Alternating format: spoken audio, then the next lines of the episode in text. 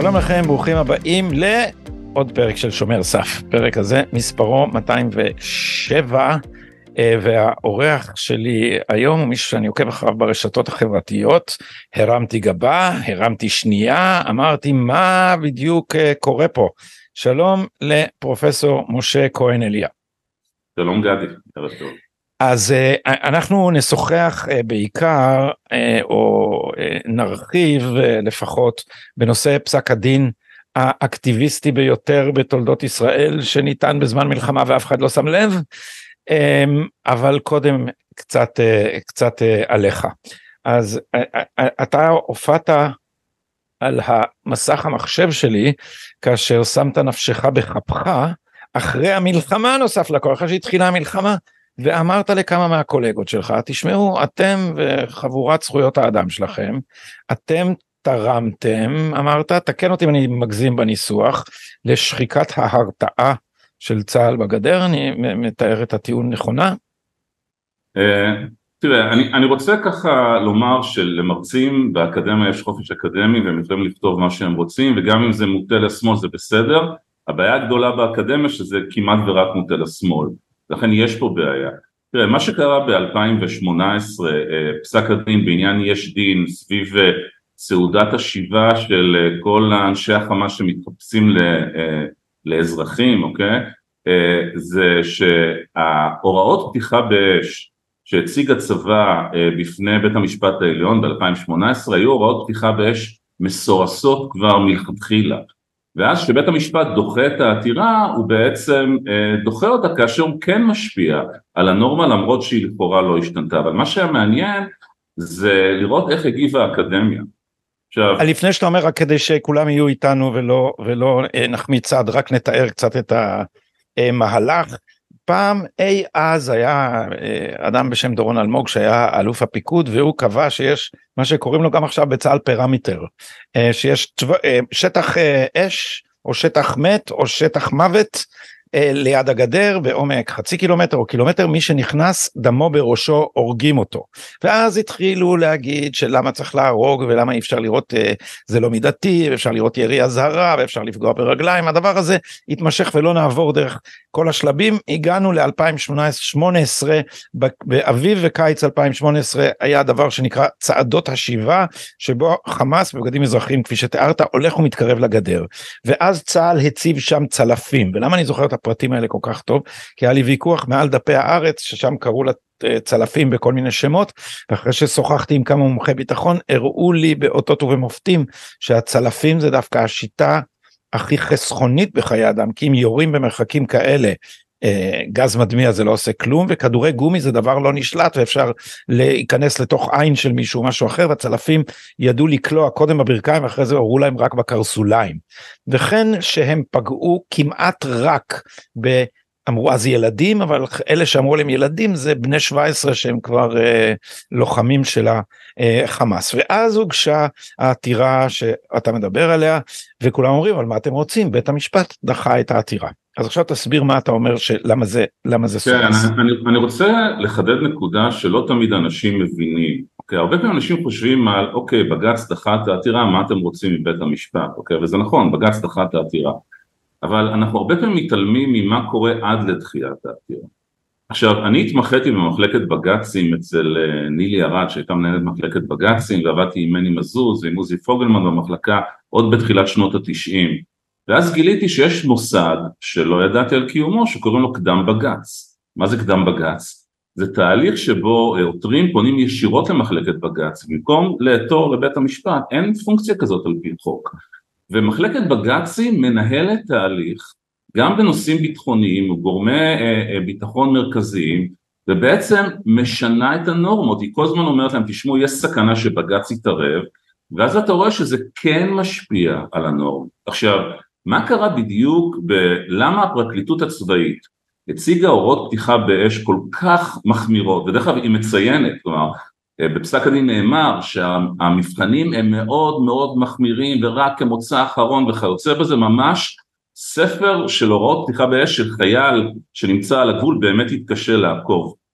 בית המשפט אומנם אה, דחה את זה אבל היה פה תהליך גם של השפעה של שיקולים משפטיים, מה יעבור במבחן בג"ץ, יכול להיות שהיו גם השפעות בינלאומיות, לחצים בינלאומיים וכיוצא בזה, אבל בשורה התחתונה דורון אלמוג ב-2001 כאשר היינו אז בתחילת אה, האינתיפאדה הראשונה באינתיפאדה הראש... אה, אה, השנייה בא ואמר צריך קילומטר של פרימטר שהוא שטח הריגה שאין בו בכלל הוראות פתיחה באש זה הצרכים האמיתיים של הצבא ואז אנחנו מגיעים ל-2018 שהפרקליטות מיוזמתה באה ומציגה עמדה הרבה יותר מחמירה למה זה קרה? זה מה שקשור לתופעה גלובלית רחבה יותר שאנחנו קוראים לה הצדקה, זו תפיסה שמאוד מזוהה עם אהרון ברק. אה, איך, איך קוראים לה שוב? אה, היה לנו אה, קטיעה בשידור? תרבות ההצדקה, באנגלית קוראים לזה culture of justification. כן. הרעיון הבסיסי הוא שהמדינה צריכה להצדיק כל מה שהיא עושה. עכשיו, על פניו זה נשמע רעיון ליברלי טוב, אנחנו חיים כאזרחים, אני רוצה שהמדינה תצדיק כל מה שהיא עושה, הבעיה היא שהיא צריכה להצדיק כל מה שהיא עושה בפני בית משפט.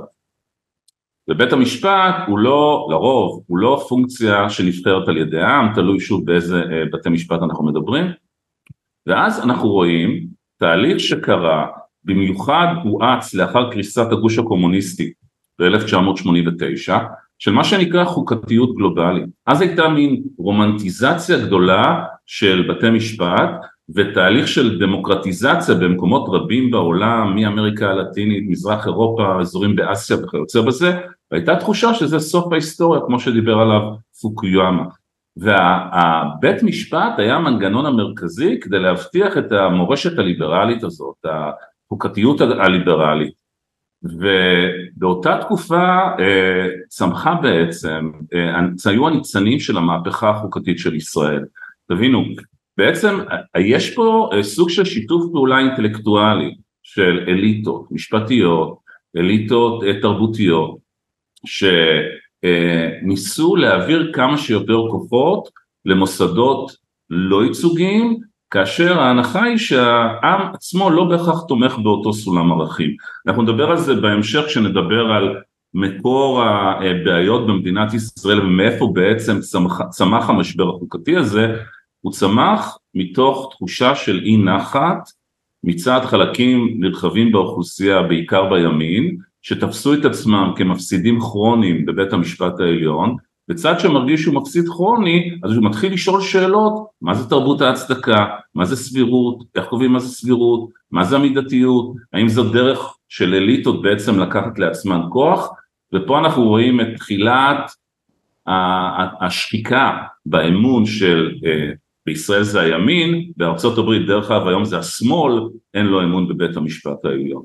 כלומר הרעיון הזה של תרבות ההצדקה הוא רעיון שאומר תשמעו אני בית משפט לא תמיד מתערב, זה נכון, בית המשפט לא מתערב הרבה, אבל עצם זה שהוא מפקח על הכל, עצם זה שצריך למנוע מה שנקרא חורים שחורים, המושג הזה הוא המושג שהכי מנוגד לרעיון של תרבות ההצדקה, כי תרבות ההצדקה אומרת המדינה צריכה להצדיק כל דבר שהיא עושה, אבל אם אתה אומר רגע יש נושאים שהם אינם שפיטים, יש נושאים שבית המשפט לא צריך להיכנס אליהם, זה עומד במתח מול הרעיון הזה, ובעצם מה שראינו בפסק הדין בעניין יש דין, אותו פסק דין מ-2018, שבית המשפט לא מתערב, אבל הוא מפקח והפיקוח שלו כן משפיע עיצוב הנורמות.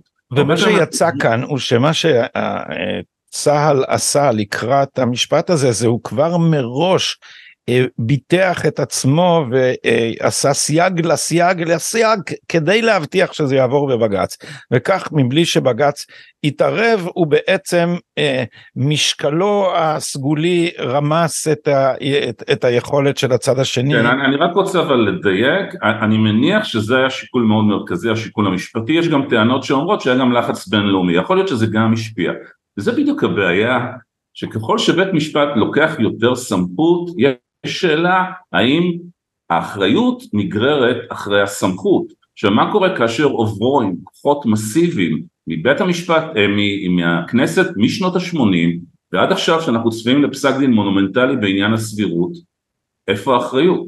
מי נושא באחריות? יש פה מצב של סמכות דיפוזית, שבית משפט הוא חלק ממעצבי הנורמות, ואז שקורה קטסטרופה, כמו שקרה לנו בשבעה באוקטובר, אז מי אחראי?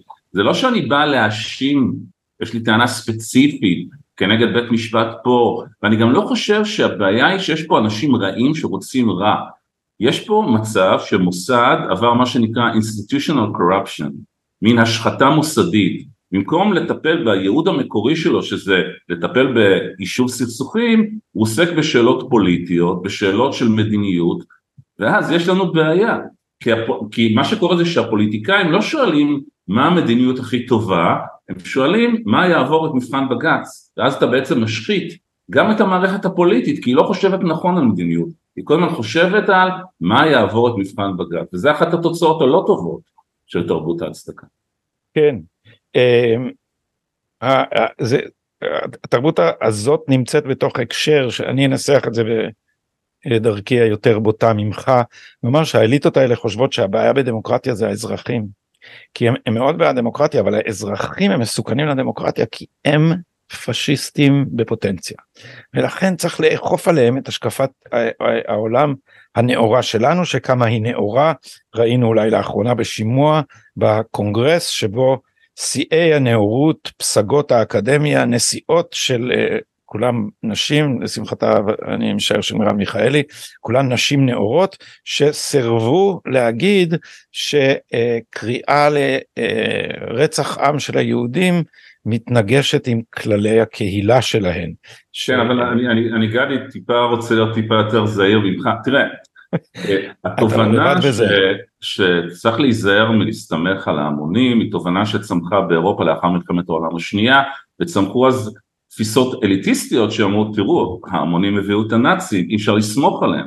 לכן באירופה אנחנו רואים תפיסה יותר אליטיסטית. השאלה הגדולה היא אין לי בעיה עם אליטות אוקיי? השאלה היא איך אתה מאזן נכון בין כוח של אליטות לבין כוח של העם.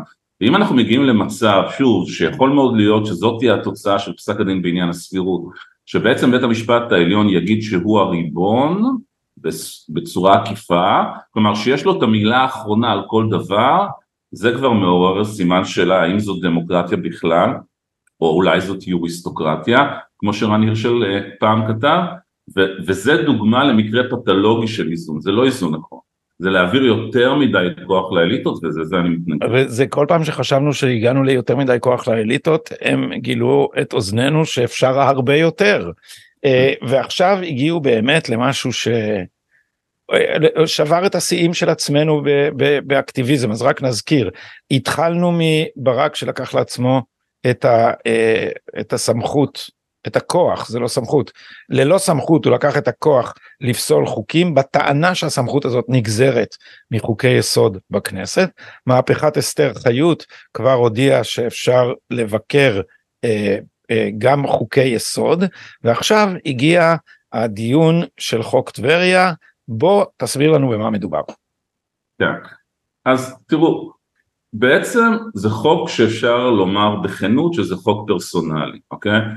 חוק שנועד לאפשר למי שכיהן כראש הוועדה הקרואה, כלומר הוועדה הממונה, לא ועדה נבחרת, בעיר טבריה, אה, כן להתמודד בבחירות למרות שהמצב המשפטי קודם לכן לא אפשר לראש מועצה אה, אה, קרואה להתמודד בבחירות כי יש לו סוג של יתרון, הוא זוכה לתמיכה לוגיסטית, זה יתרון לא הוגן ולכן החליטו שהוא לא יכול להתמודד. ואז דרעי רצה לדאוג למקורב שלו שהיה ראש המועצה הקבועה בטבריה ותוקן החוק. והחוק תוקן באופן שכן מאפשר לו להתמודד. עכשיו אם אתה שואל אותי האם זה חוק שאני אוהב? אני לא אוהב את החוק הזה אוקיי? אני חושב שזה לא נכון לשנות כללי משחק תוך כדי תנועה אבל מה שאני חושב על החוק זה לא אומר שזה גם התוצאה המשפטית שצריכה להיות. עכשיו אני, אני רוצה ככה להסביר מה השאלה, יש פה שתי בעיות, גם מצד שופ, השופט שכתב את פסק הדין המרכזי, שהשופט פוגלמן, וגם מה שכותב אלכס שטיין שנחשב שופט שמרני, אבל דווקא פסק הדין שלו מוביל לאקטיביזם שאפשר לקרוא לו אפילו היפר אקטיביזם, okay.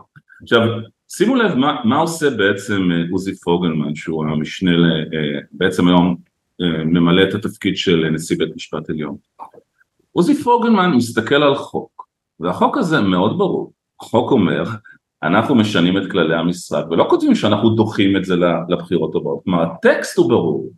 עכשיו, אנחנו כמשפטנים, כשלמדתי משפטים, אז אמרנו, קודם כל אתה מפרש חוק או על בסיס הטקסט, או על בסיס הכוונה של המנסחים.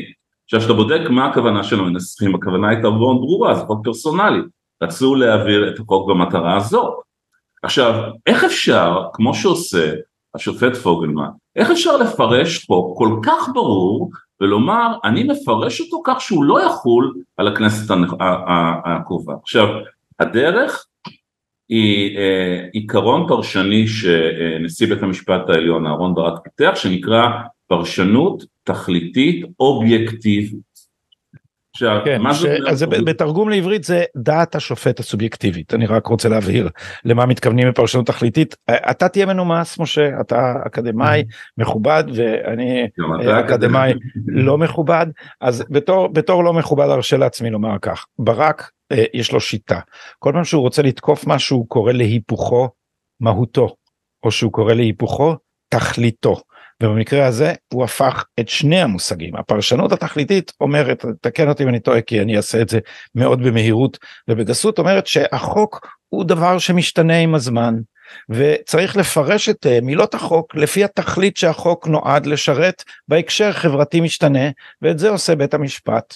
אה, מהי הפרשנות התכליתית הסובייקטיבית? זאת אה, זה הנימוק של המחוקקים לחוק, זה כתוב לפני החוק בהקדמה, זה סובייקטיבי כי המחוקקים הם סובייקטיביים. אבל בית המשפט צריך להתעלות מעל הסובייקטיביות של המחוקקים, להסתכל על ההקשר החברתי ובאופן אובייקטיבי להגיד מה הייתה צריכה להיות תכליתו של החוק ולפרש לפי זה.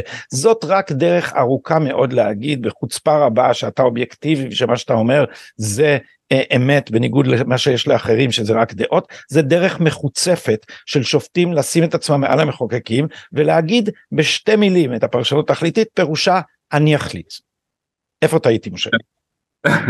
אז כשמה שתיארת לגבי uh, תפיסות משתנות שגורמות לנו לפרש מחדש נורמות זה בדרך כלל חל לגבי חוקה, קוראים לזה תורת העץ החי אה, ודרך אגב אה, יש לזה היגיון, אני רק מזכיר שבית המשפט העליון האמריקאי ב-1996 בפרשת פלסי קבע שנפרד הוא שווה ושחור לא יכול לעלות ולשבת מאחור כי זאת באמת הייתה הכוונה של המנסחים. הם לא חשבו ש-separate is equal, אוקיי? הם לא חשבו ש-separate is not equal ולכן בית המשפט אמר כמו, כמו שאתה אומר, אני מחויב לכוונה של המנסחים, אבל אחרי חמישים שנה, לאחר מלחמת העולם השנייה, בא בית המשפט העליון בבראון ואמר, תשמעו, היום התפיסה שלנו היא ש-separate זה לא equal, ויש לזה היגיון, יש לזה ויכוחים מאוד גדולים, הבעיה הגדולה כאן היא פחות עם הפרשנות התכליתית האובייקטיבית, כי יש, זה קורה הרבה בהרבה מאוד בתי משפט עליונים, הבעיה היא מה קורה כאשר הפרשנות הסובייקטיבית היא מאוד ברורה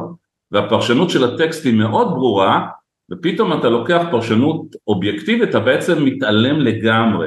וזה די נדיר למצוא בעולם. אין כמעט דוגמאות לזה שמעון נטף פרסם אה, ספר על פרשנות אה, חוקתית, חקיקתית והוא באמת סוקר את כל המגמות בעולם אנחנו די חריגים עכשיו הערה אחת לגבי האובייקטיביות תראה יש איזושהי הבנה או הנחה שלשופטים יש יכולת לקבל הכרעות יותר נכונות. אה, ויש בזה קצת יוהרה, אוקיי? יוהרה אפיסטמית, יוהרה הכרתית. טיפה טיפה טיפה יוהרה יש בזה, כן. כן, תראה, אני אתן לך דוגמה, אה, בפסק הדין בעניין קלפי המיקוח, הרי אז שהחזקנו את קלפי המיקוח כדי להחזיר את רון ארד ולקבל מידע, ובעצם עצרנו אה, מספר מסוים של פעילי חיזבאללה ואת עובד ואת דיראני אה, כקלפי מיקוח, ברק בדיון הראשון דחה את העתירה. ואז היה דיון נוסף, כשהוא יושב בעצם באותו דיון, וזה נורא נדיר לראות שופט משנה את הדעה שלו, אוקיי? באותו תיק. וברק שינה את הדעה שלו.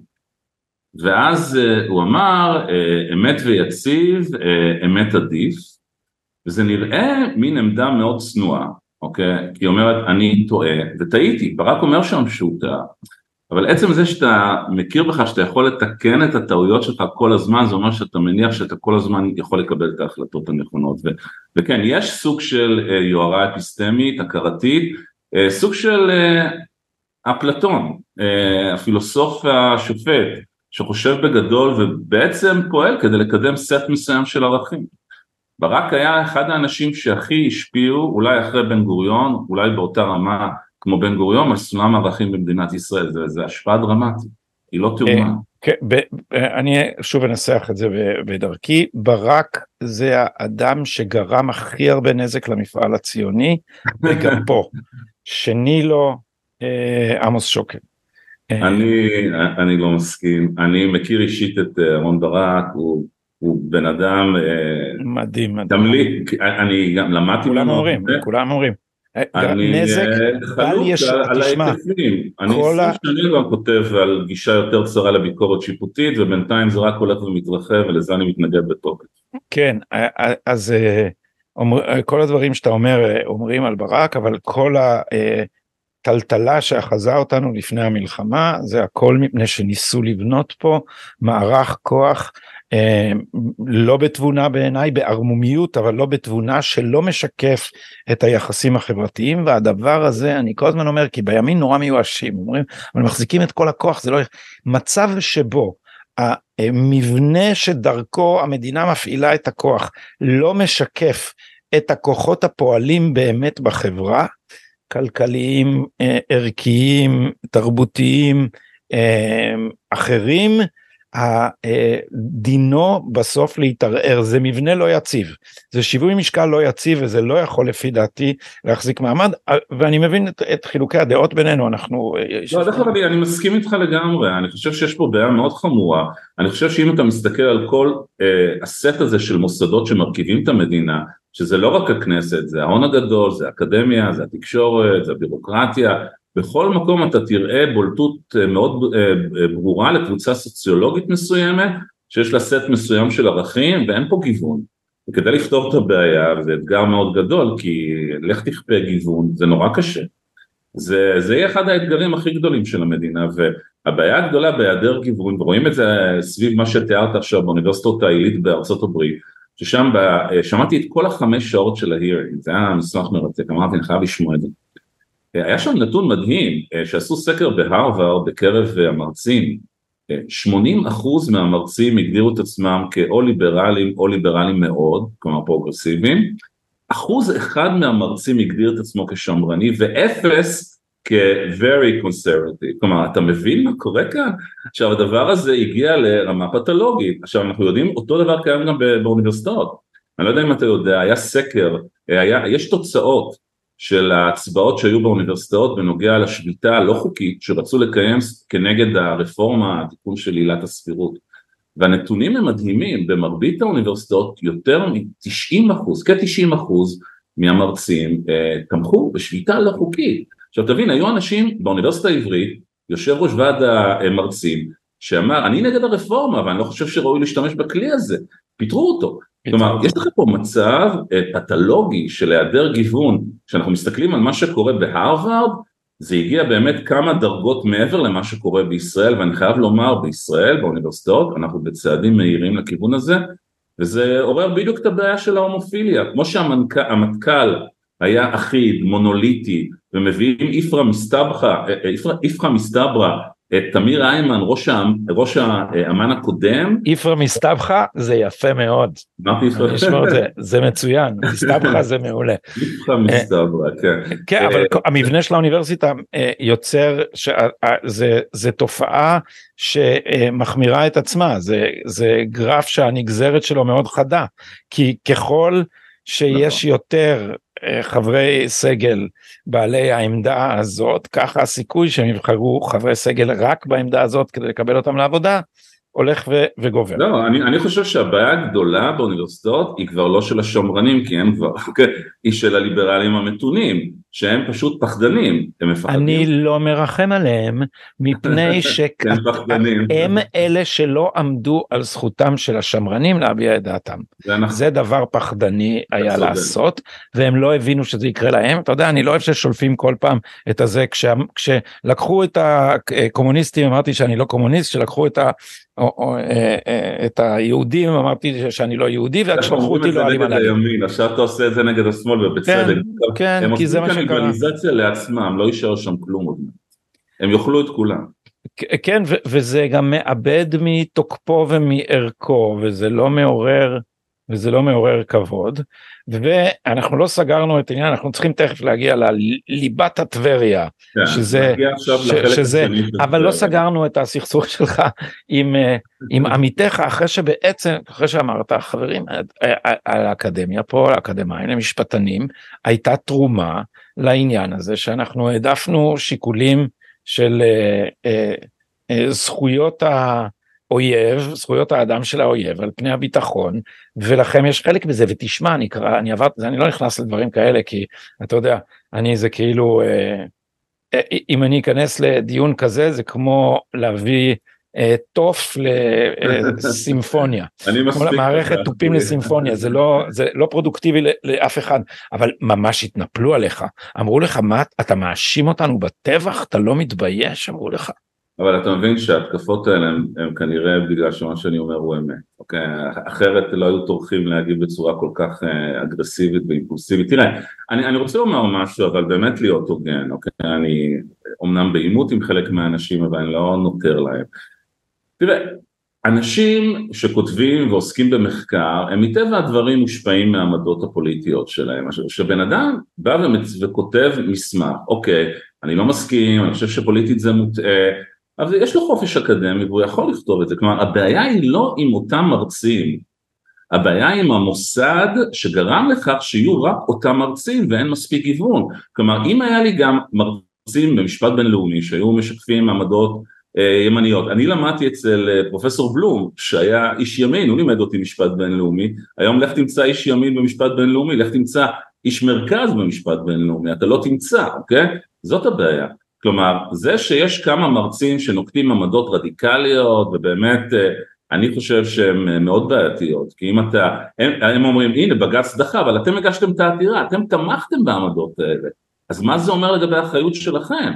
זה קשה מאוד לאנשים לשמוע את זה ואני לא באמת רוצה לתקוף אנשים אישית אבל אני כן רוצה להאיר זרקור על ההומוגניות, על החד צדדיות העובדה שכנסים באוניברסיטאות הם מונוליטיים, שקשה מאוד למצוא בן אדם אפילו מהאמצע שנמצא בכנסים האלה, זאת בעיה מאוד קשה. וכאן יש אחריות מאוד גדולה לאקדמיה, היעדר הנכונות לגוון, ותשמע, אני פגשתי אנשים בכירים והעליתי את העניין הזה, ואנשים מודעים לבעיה. ואומרים עכשיו זה לא הזמן, הסגל יתנגד, כל מיני טענות מהסוג שזה אף פעם לא יקרה. פחדנות. עד המשבר הגדול, כמו שקורה עכשיו להרווארד שלוקחים להם תרומות והם עכשיו מזיעים שם והמותג נפגע בצורה בלתי רגילה, מתישהו יהיה גם משבר כזה באוניברסיטאות וזה, ו, ואז הם יצטרכו להתמודד עם ההשלכות של היעדר הגיוון, כמו שקרה עכשיו במטכ"ל, אותו דבר בדיוק. אז עכשיו אה, ל, ל, ל, לנושא מגילת העצמאות, כן. בהערת אגב אוביטר של השופט השמרני הנודע אלכס שטיין שאיילת אה, שקד מינתה כדי להראות שאפשר למנות גם ימנים, אמר אה, בתוכנית שאני אה, מגיש ב- ביום, בליל שבת, בלייב ביוטיוב, אמר רן ברץ, זה בפער פסק הדין הכי אקטיביסטי שאי פעם היה בבית משפט בישראל, זאת הגזמה. מחכה לפסק הדין בעניין הסבירות יותר. אז, אז תראה, אני, אגיד כמה מילים על העניין הזה. תראה, שאנחנו כמשפטנים אנחנו בואו בוא רק נסביר קודם מה, מה, מה עשו פה, בסדר? אלא אם כן. כן, כן, לא, אז, אוקיי. אז קודם כל אנחנו מדברים על, על פסק הדין בעניין חוק טבריה, אוקיי? כן. אבל אני, אני רוצה להסביר את המהלך של אלכס שטיין, אוקיי? אה, אנחנו כמשפטנים הרבה פעמים עוסקים בהתנגשויות בין חוקים או בנורמות, ובדרך כלל יש כלל בסיסי שאומר נורמה גבוהה יותר גוברת על נורמה נמוכה יותר. חוק גובר על תקנה. חוקה גוברת על חוק, כלומר במובן הזה אפשר עוד להתווכח ואפשר להציג טעמים למה המהפכה החוקתית היא עוד לגיטימית כי בכל זאת חוק יסוד כבוד האדם וחירותו מדבר על תנאים וסתירה שלו, אבל בוא, בוא נשים את זה לרגע בצד. עכשיו מה קורה אם אתה רוצה לתקוף חוק יסוד שהוא בעצם חלק מחוקה, מה הנורמה היותר גבוהה?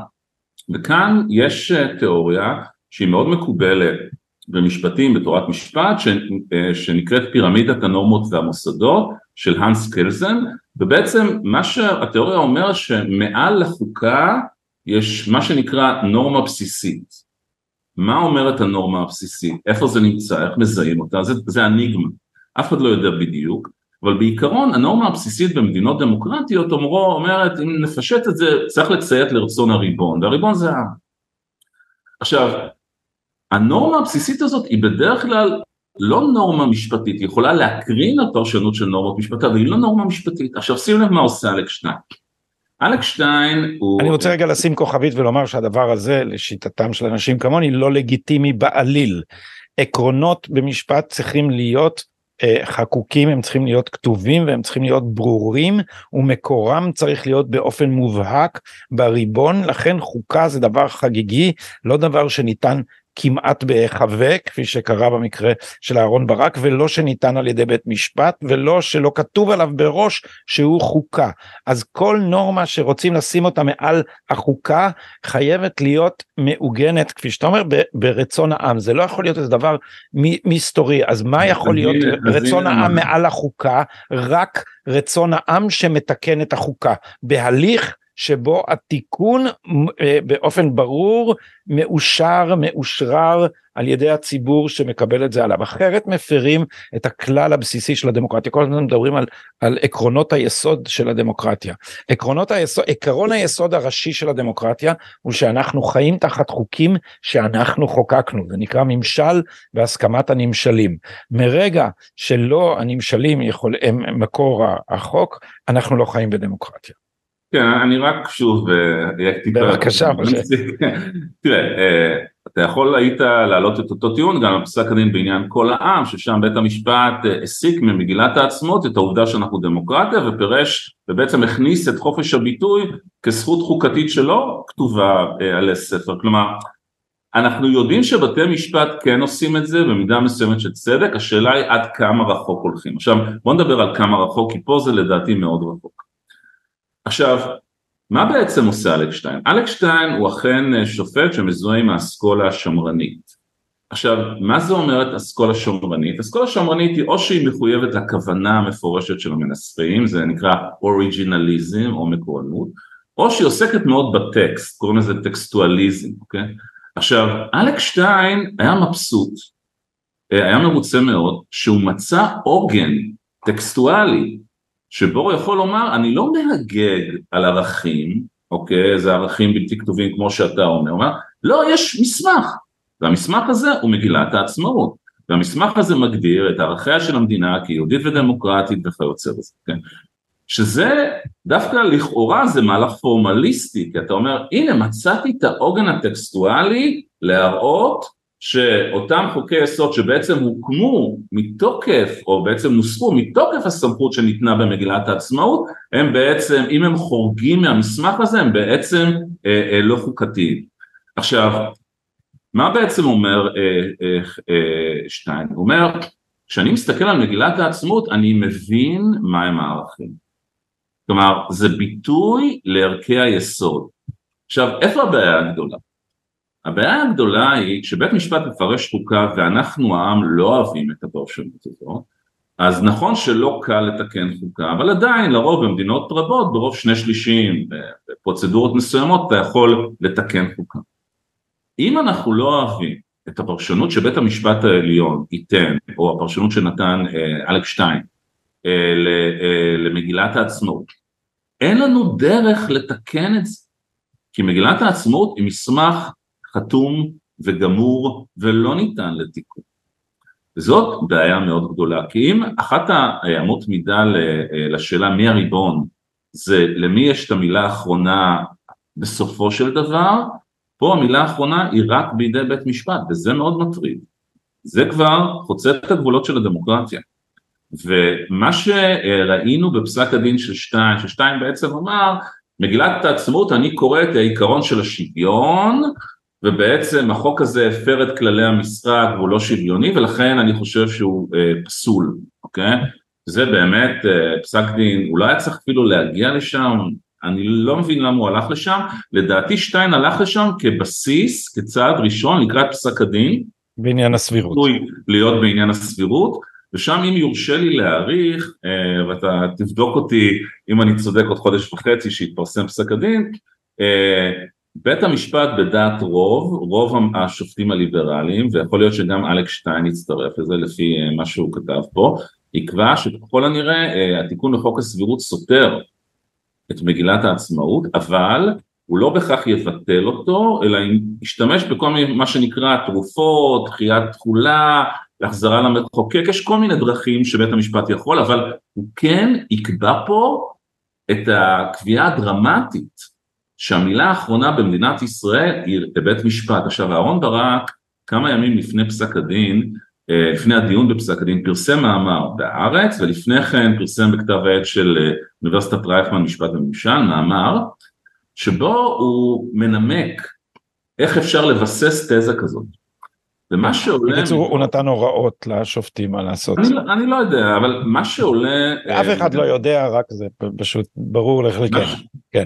כן, מה שעולה זה גם אם הכנסת תגיד אני רוצה עכשיו להתחיל את הכל מחדש ולהקים אספה מכוננת חדשה ועדיין בית משפט אפילו יוכל לבדוק האם הקמת האספה המכוננת תואמת את מגילת העצמאות. את מגילת העצמאות. אבל צריך להגיד משהו על, על תוכנה של מגילת העצמאות כי יש פה זה אתה, אתה כמובן אתה בדרכך האנליטית שעושה את השיחות איתך לתענוג אה, אה, זיקקת את אה, ליבת העניין שזה שאיפה תהיה סמכות ההכרעה האחרונה וזה באמת המבחן בעיניי למהי הריבונות ולאיפה היא נמצאת אבל מעבר לבעיה המובהקת הזאת יש עוד בעיה מגילת העצמאות זה מסמך שהצהירו עליו שהוא לא חוקה, שחתמו עליו רק כי הרגיעו את החותמים שהוא לא חוקה, שבית המשפט אחר כך קבע שהוא לא חוקה, שהכנסת קבעה בחוק שהוא לא חוקה,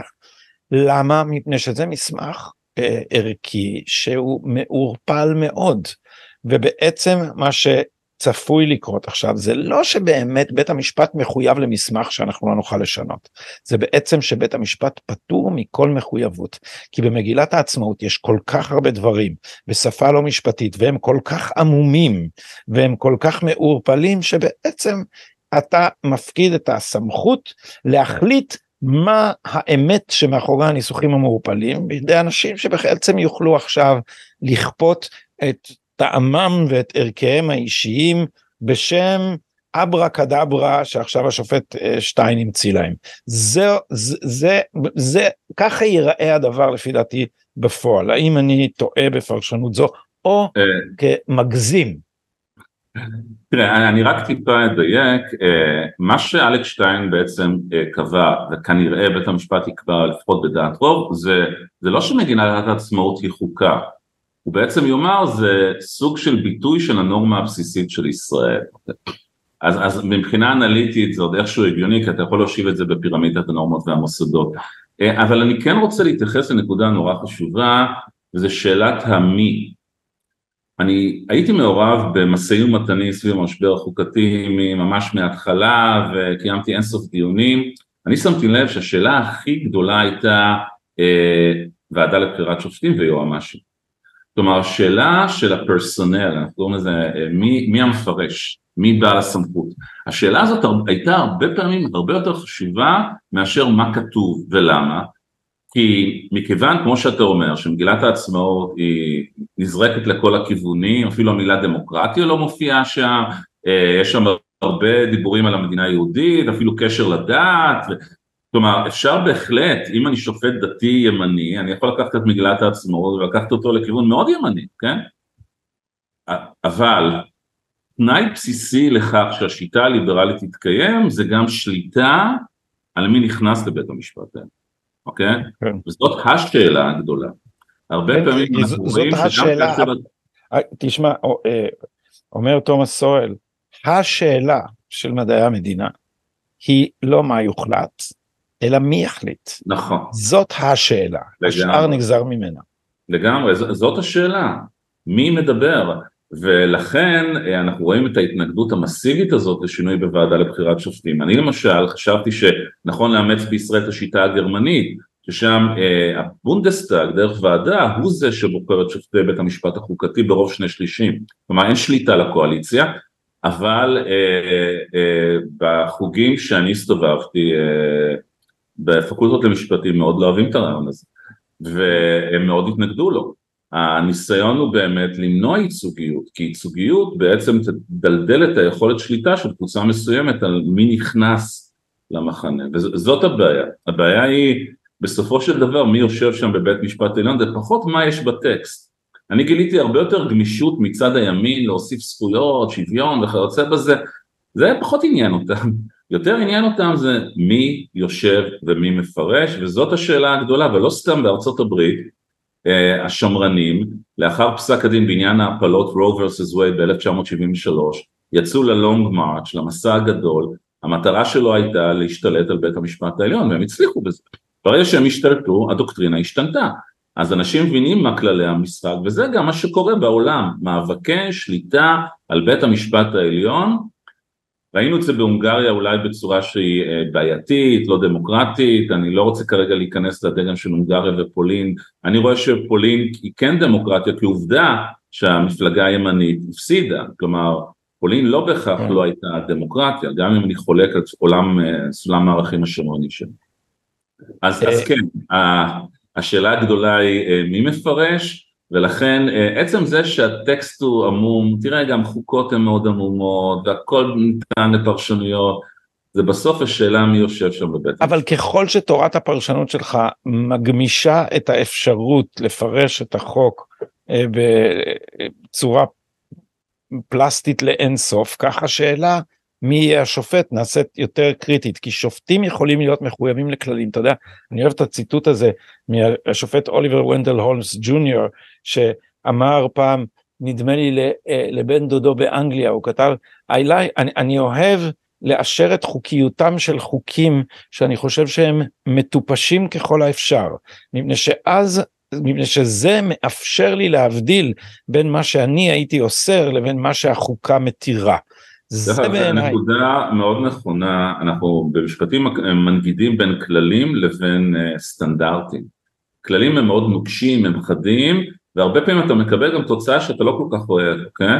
Uh, בישראל השיטה של אהרן ברק מזוהה עם שיטה של סטנדרטים, מידתיות, סבירות, אלה מונחים הרבה יותר עמומים שנותנים שיקול דעת הרבה יותר רחב לבית משפט, ונכון, יש משהו בתפיסה האמריקאית שהיא תפיסה יותר של כללים, פחות של סטנדרטים, זו גישה יותר קטגורית, ואני חושב שהיה טוב אם הדוקטרינה בישראל הייתה יותר קרובה לדוקטרינה האמריקאית מאשר למידתיות ולסבירות ולתפיסה של תרבות ההצדקה, שבאמת נותנת שיקול דעת יותר מדי רחב לבית משפט וזאת בעיה.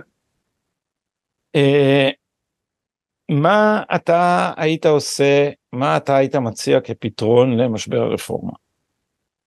תראה, אני, אה, מכיוון שהייתי מעורב בהרבה משאים ומתנים ואני יודע מה חשוב לכל צעד, איך זה, זה מדהים, כאילו אתה יושב במשאים ומתנים האלה, אתה רואה מה מקפיץ אנשים, מה חשוב להם, איפה הנקודות הרגישות, אה, אז אני, אני חושב שיש פתרון שאפשר להגיע אליו, אה, ואני חושב שגם הימין יסכים לו, הוא פתרון של שני שלישים, הפתרון הזה הוא די תואם את העקרונות שקיימים בעולם, אני רק רוצה לומר שני דברים לגבי העקרונות. תראה, אחד הדברים שעלו... תגיד רק מה זה, אה, אה, שני שלישים מה?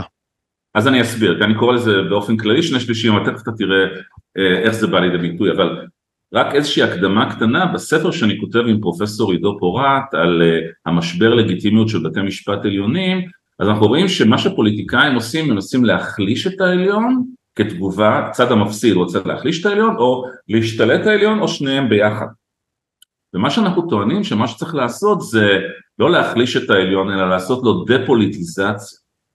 כלומר, לקחת לו אה, כוחות בעלי אופי פוליטי, למשל אה, לקבוע, להחזיר את עילת השפיטות, זכות העמידה, לקבוע תחומים שבהם בית המשפט לא צריך להתערב, יש כל מיני דרכים להקטין את הפוליטיות של בית משפט, ובמקום להשתלט על על העליון צריך לעשות, אה, אה, להגיע לאיזון בעליון. עכשיו אני, אני אסביר מה זה שני שלישים, תראה יש פה שלושה דברים, דבר ראשון זה האם אנחנו משריינים את חוקי היסוד ואיך.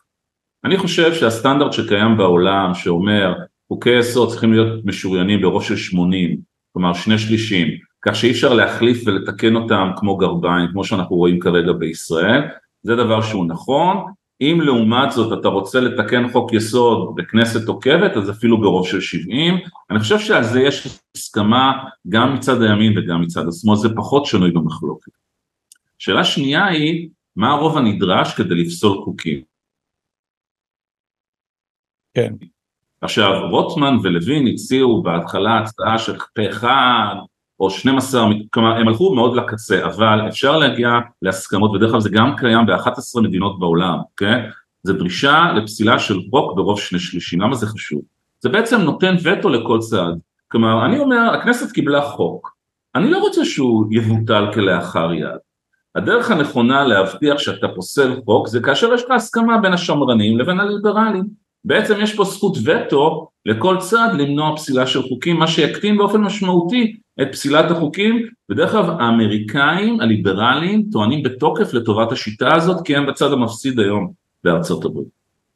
פסקת ההתגברות צריך להוציא אותה מהמשחק, היא טעות, לא סתם רצו, אה, גם בימין הבינו את זה, כי בעידן של כיתוב פוליטי מה שיהיה בפסקת ההתגברות זה יהיה מין פינג פונג כוחני בין המחוקק לבין בתי משפט, בית משפט יגיד עכשיו אני יכול לעשות מה שאני רוצה, אני מבטל כל חוק, אתם רוצים תשנו את זה, לא כל כך פשוט להשיג את הרוב הנדרש, זה לא דבר טוב, זה רק יגדיל את הכיתוב. זה יגדיל את האקטיביזם.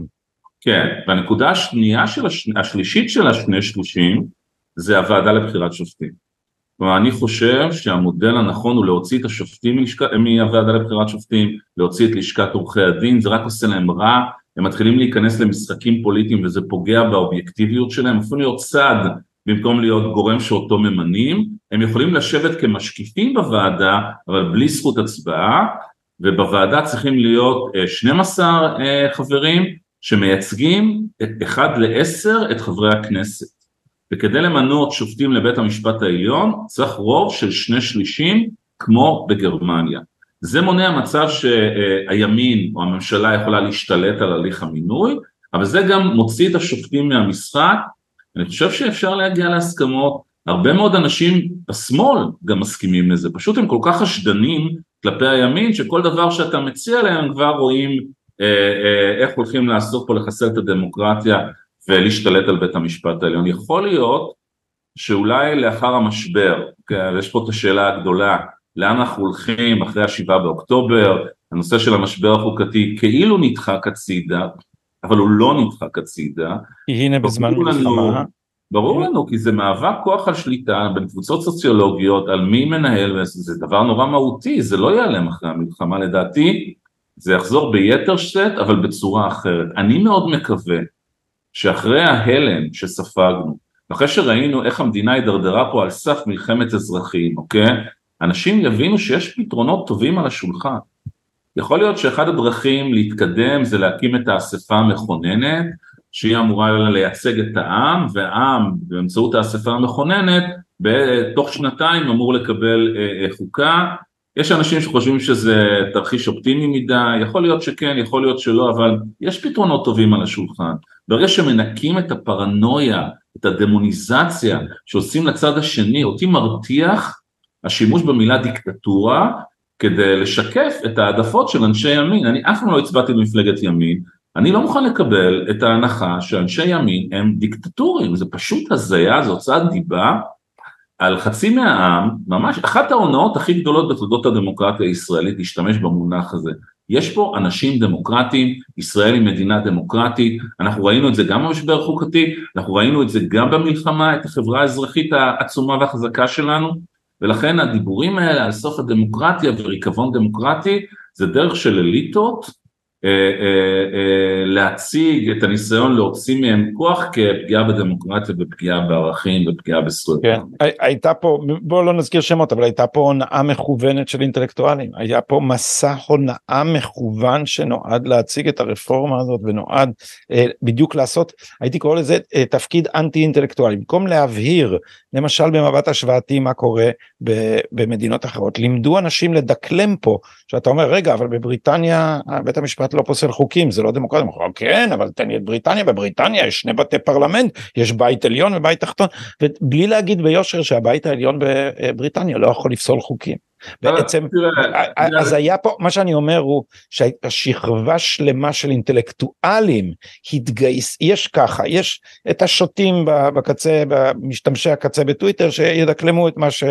אה, עוזר להם אה, לקדם את עמדתם. אבל יש פה אנשים שעשו מניפולציה מכוונת ששיבשו את השיח. זה לא מדאיג אותך? אנחנו אנחנו הגענו למצב שבו משחיתים את המילים שבפינו ב, ב, ב, אה, בכוונת מכוון.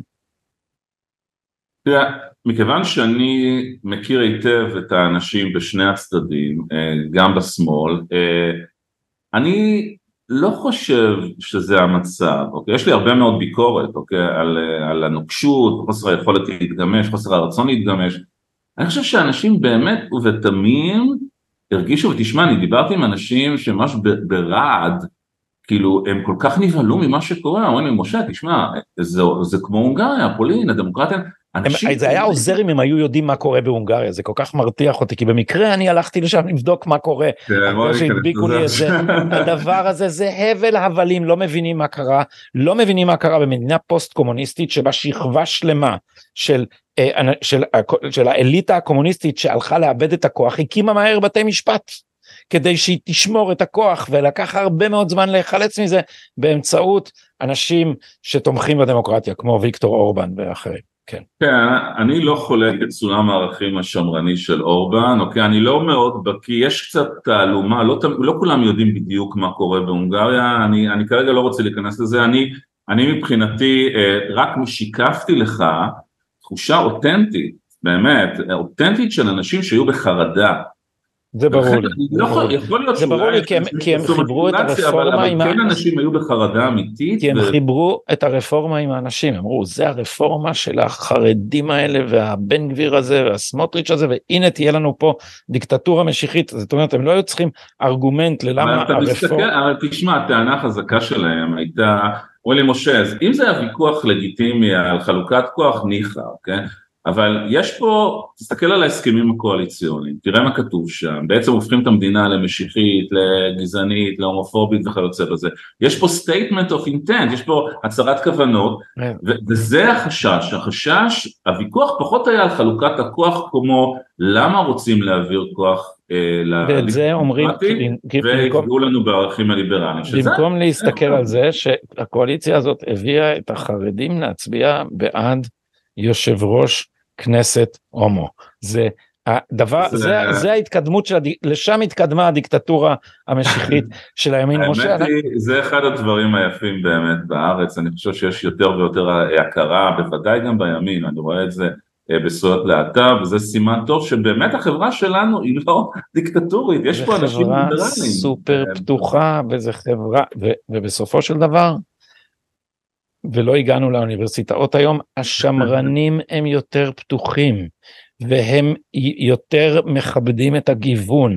מי שכופה את אחדות המחשבה הקטלנית זה הפרוגרסיבים ויש לזה סיבה. זאת מורשת של הנדסה חברתית וזה אה, אה, אה, בוא לא ניכנס לזה אני זה כי אני אני, אני רוצה לומר שאני בוא נעשה עוד שיחה על זה בוא נעשה עוד שיחה על זה כי אתה יודע אני יש לי 25 שנה של עיסוק בזה ואני מרגיש שאני עומד לפתוח פה את הפה ואנחנו נכפיל את זמן. לא, יש לי הרבה מה לומר על האוניברסיטאות ולאקדמיה אבל זה נקבע לנו לשיחה אחרת. זה היה תענוג ובוא נקבע לנו עוד. uh, שיחה. משה כהן אליה, פרופסור משה כהן אליה, תודה רבה לך על דבריך הערב. תודה רבה ולילה טוב. לילה טוב.